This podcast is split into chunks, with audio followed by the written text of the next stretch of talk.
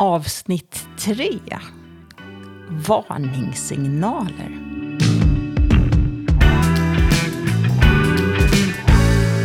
Vi pratade i förra avsnittet om eh, vad konflikter gör med en relation och att det är viktigt att ha konflikter, att man växer som person. Men vissa konflikter är inte bra. Starka varningssignaler för problem. Hur känner man igen dem? Mm. Vi har igen då litat oss på forskningen och Gottmans Love Lab.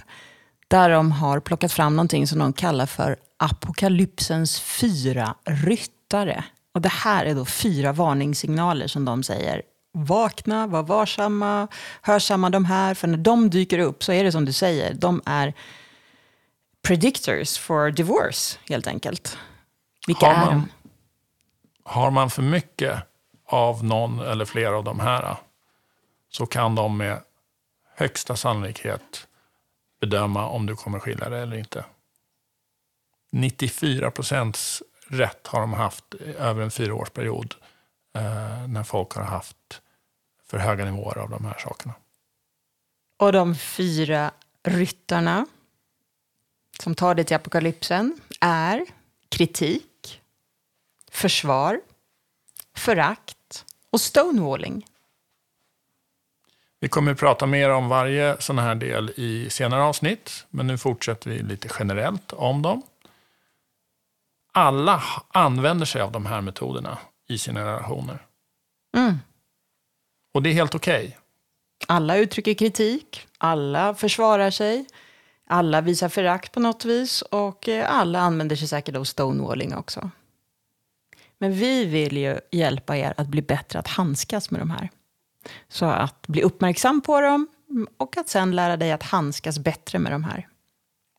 Vissa vill man kanske till och med minska eller eliminera om det går. Så gott det går i alla fall. Men hanteringen av dem och efteråt, hur man följer upp det, är väldigt viktigt.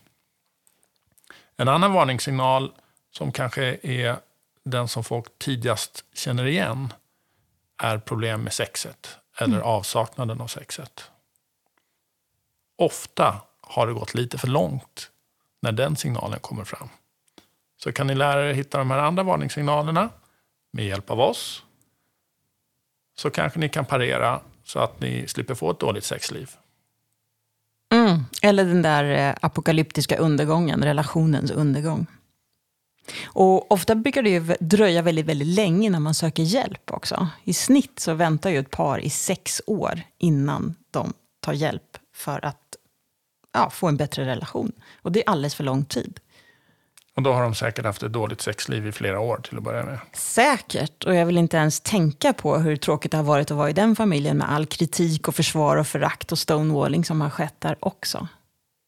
Utan redskap att veta hur jag ska hantera de här olika delarna.